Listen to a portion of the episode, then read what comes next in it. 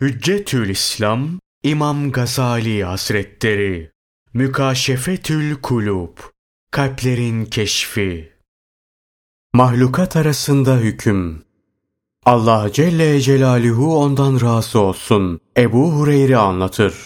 Bir defasında Resulullah sallallahu aleyhi ve sellem bize sordu. Biliyor musunuz müflis kimdir? Biz cevap verdik. Ey Allah'ın Resulü Bizce müflis, parası pulu, eşyası olmayandır. Bunun üzerine Allah Resulü sallallahu aleyhi ve sellem anlattı. Ümmetimin müflisi o kimsedir ki, kıyamet günü kıldığı namaz, tuttuğu oruç ve verdiği zekatla gelir. Fakat şuna sövmüş, şunun hakkını yemiş, şunun kanını dökmüş, şunu dövmüştür. Bunun sevaplarından alınır. Eğer haksızlık ettiği kişilere olan borcu ödenmeden sevapları tükenirse bu sefer onların günahları alınır ve bu kişinin sırtına yüklenir. Sonra da cehenneme atılır. Ey kardeşim! işte böyle bir günde başına gelecek musibeti düşün. Çünkü zaten hemen hemen hiçbir ibadetin riya denen afetten ve şeytanın karıştırdığı hilelerden salim değildir. Kazara bir kısım ibadetin riyasız ve ihlaslı olmuş olsa bile onlara da hasımların kıyamet günü göz dikecekler ve elinden alacaklar.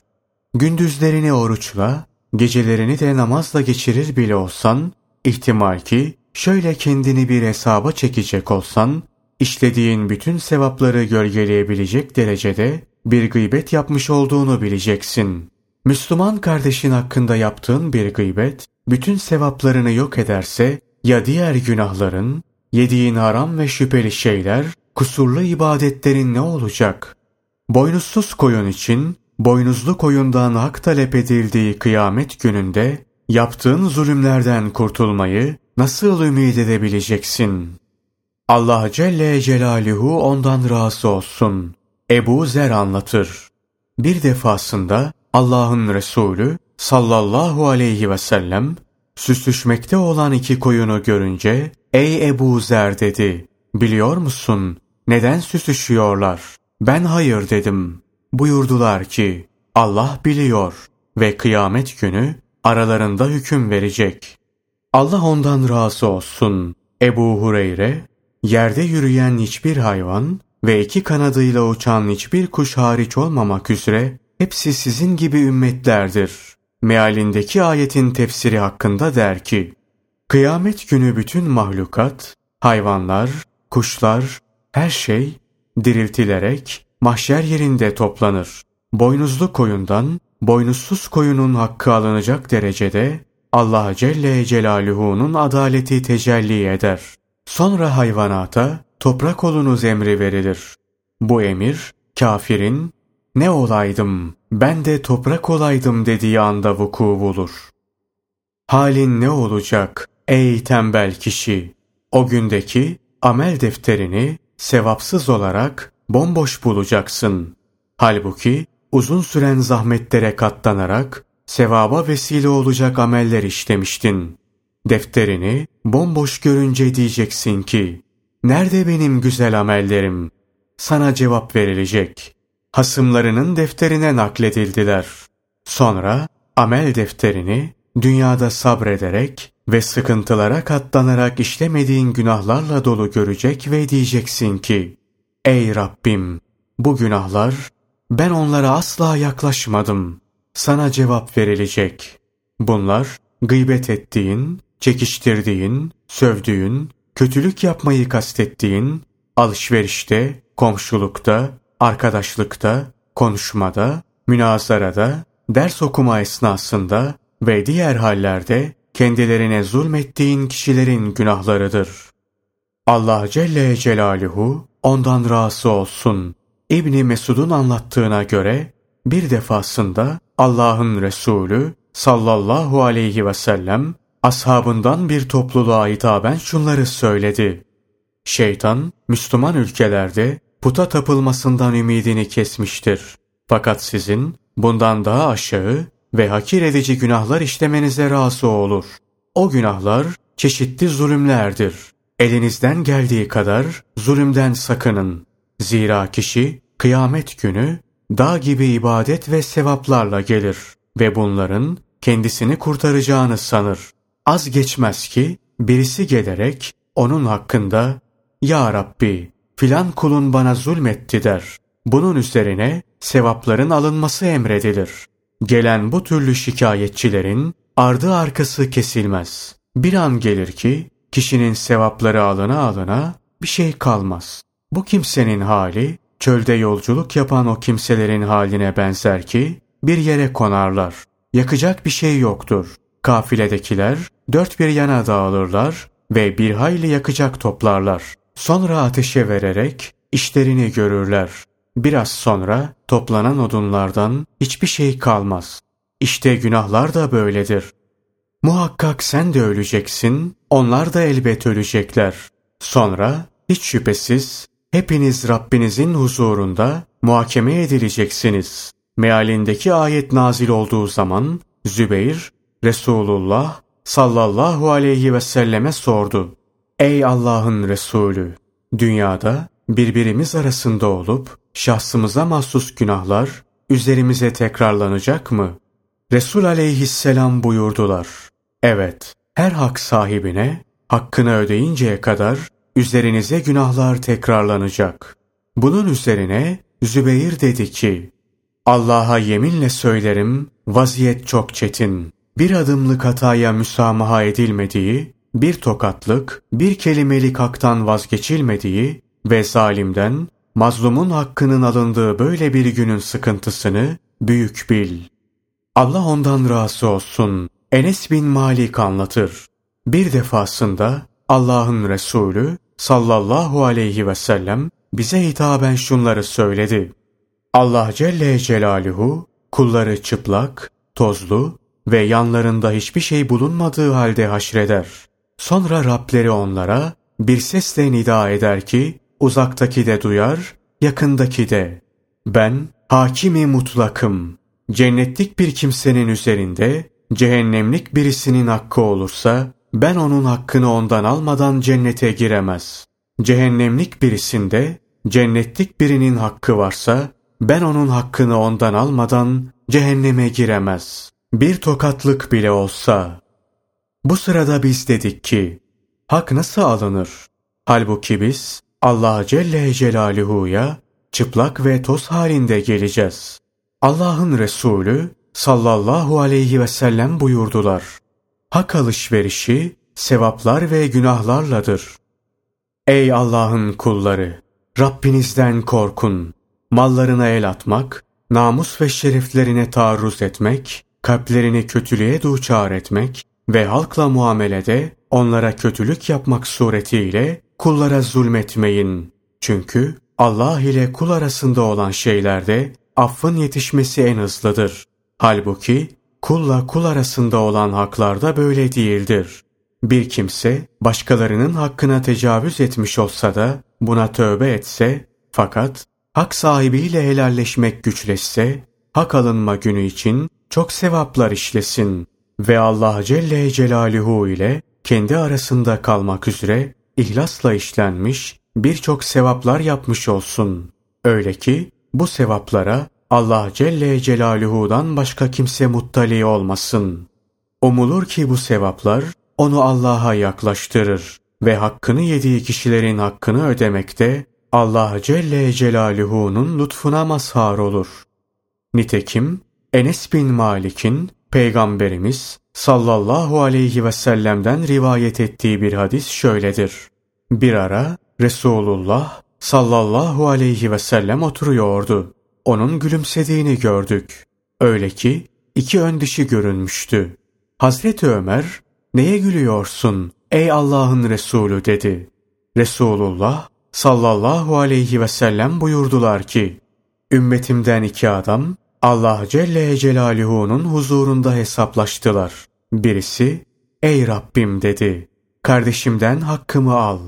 Allah Celle Celaluhu diğerine, kardeşinin hakkını ver buyurdu.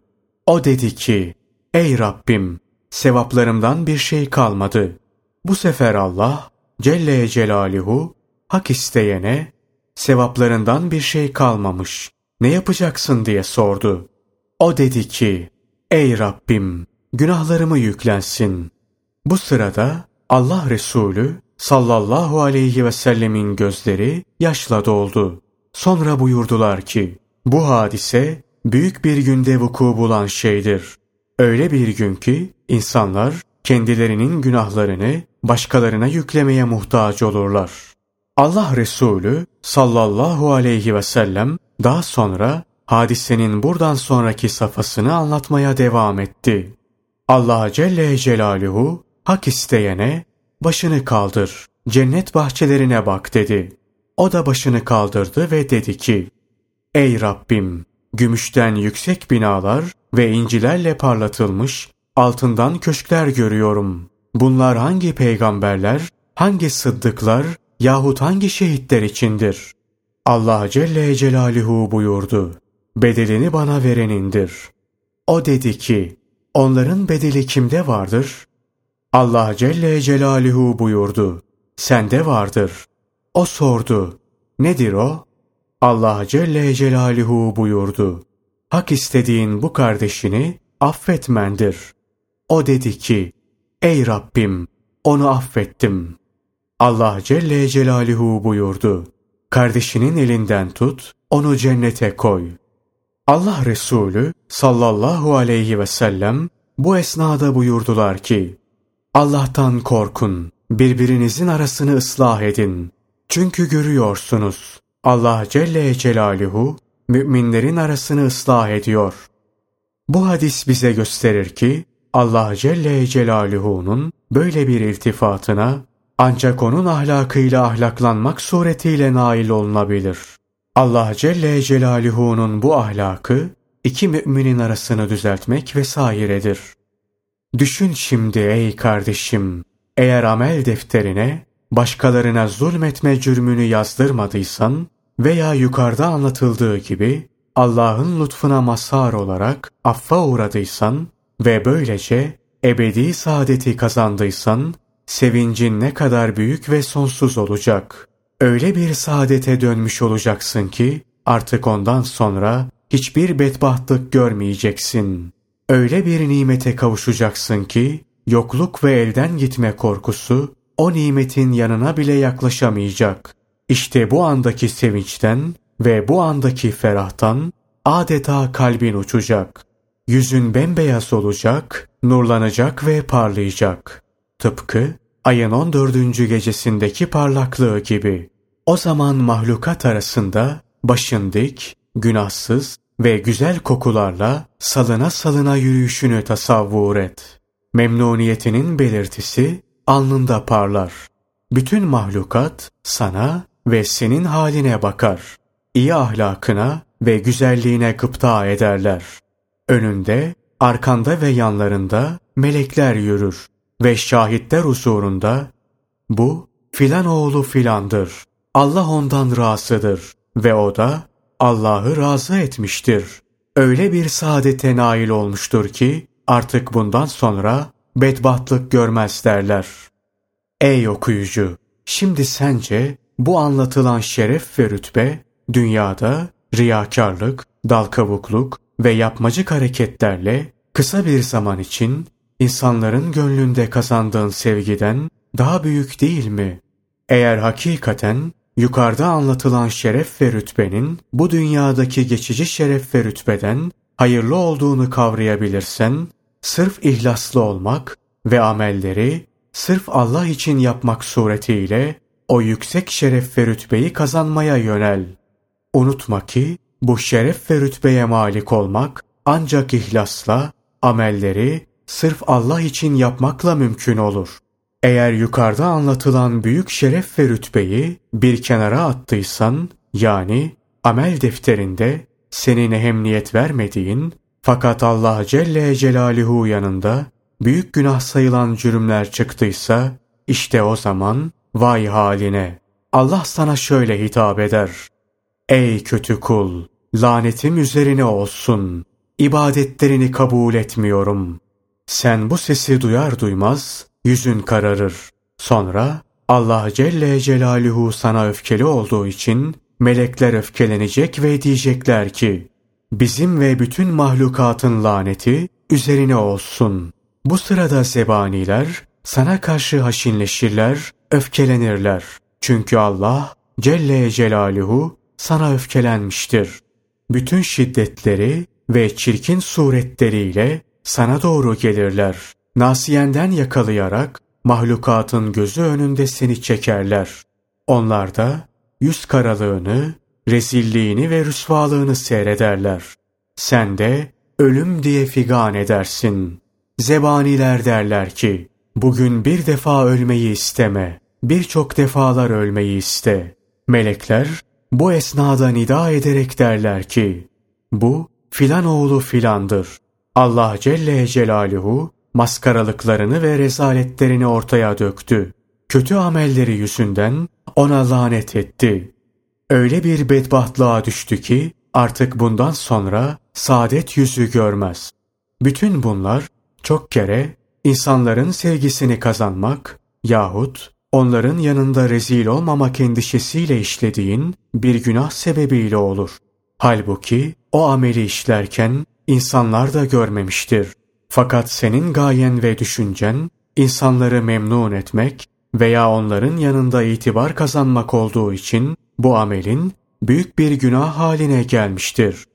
Ne kadar cahilsin ki şu geçici dünyada birkaç kişinin yanında rezil olmaktan çekiniyorsun da yarın o büyük günde rezil ve rüsva olmaktan, Allah Celle Celaluhu'nun öfkesini üzerine çekmekten, acıklı azaptan ve zebanilerin elinde cehennemi boylamaktan kaçınmıyorsun. İşte senin hallerin bunlar. Fakat senin tehlikeden haberin yok.''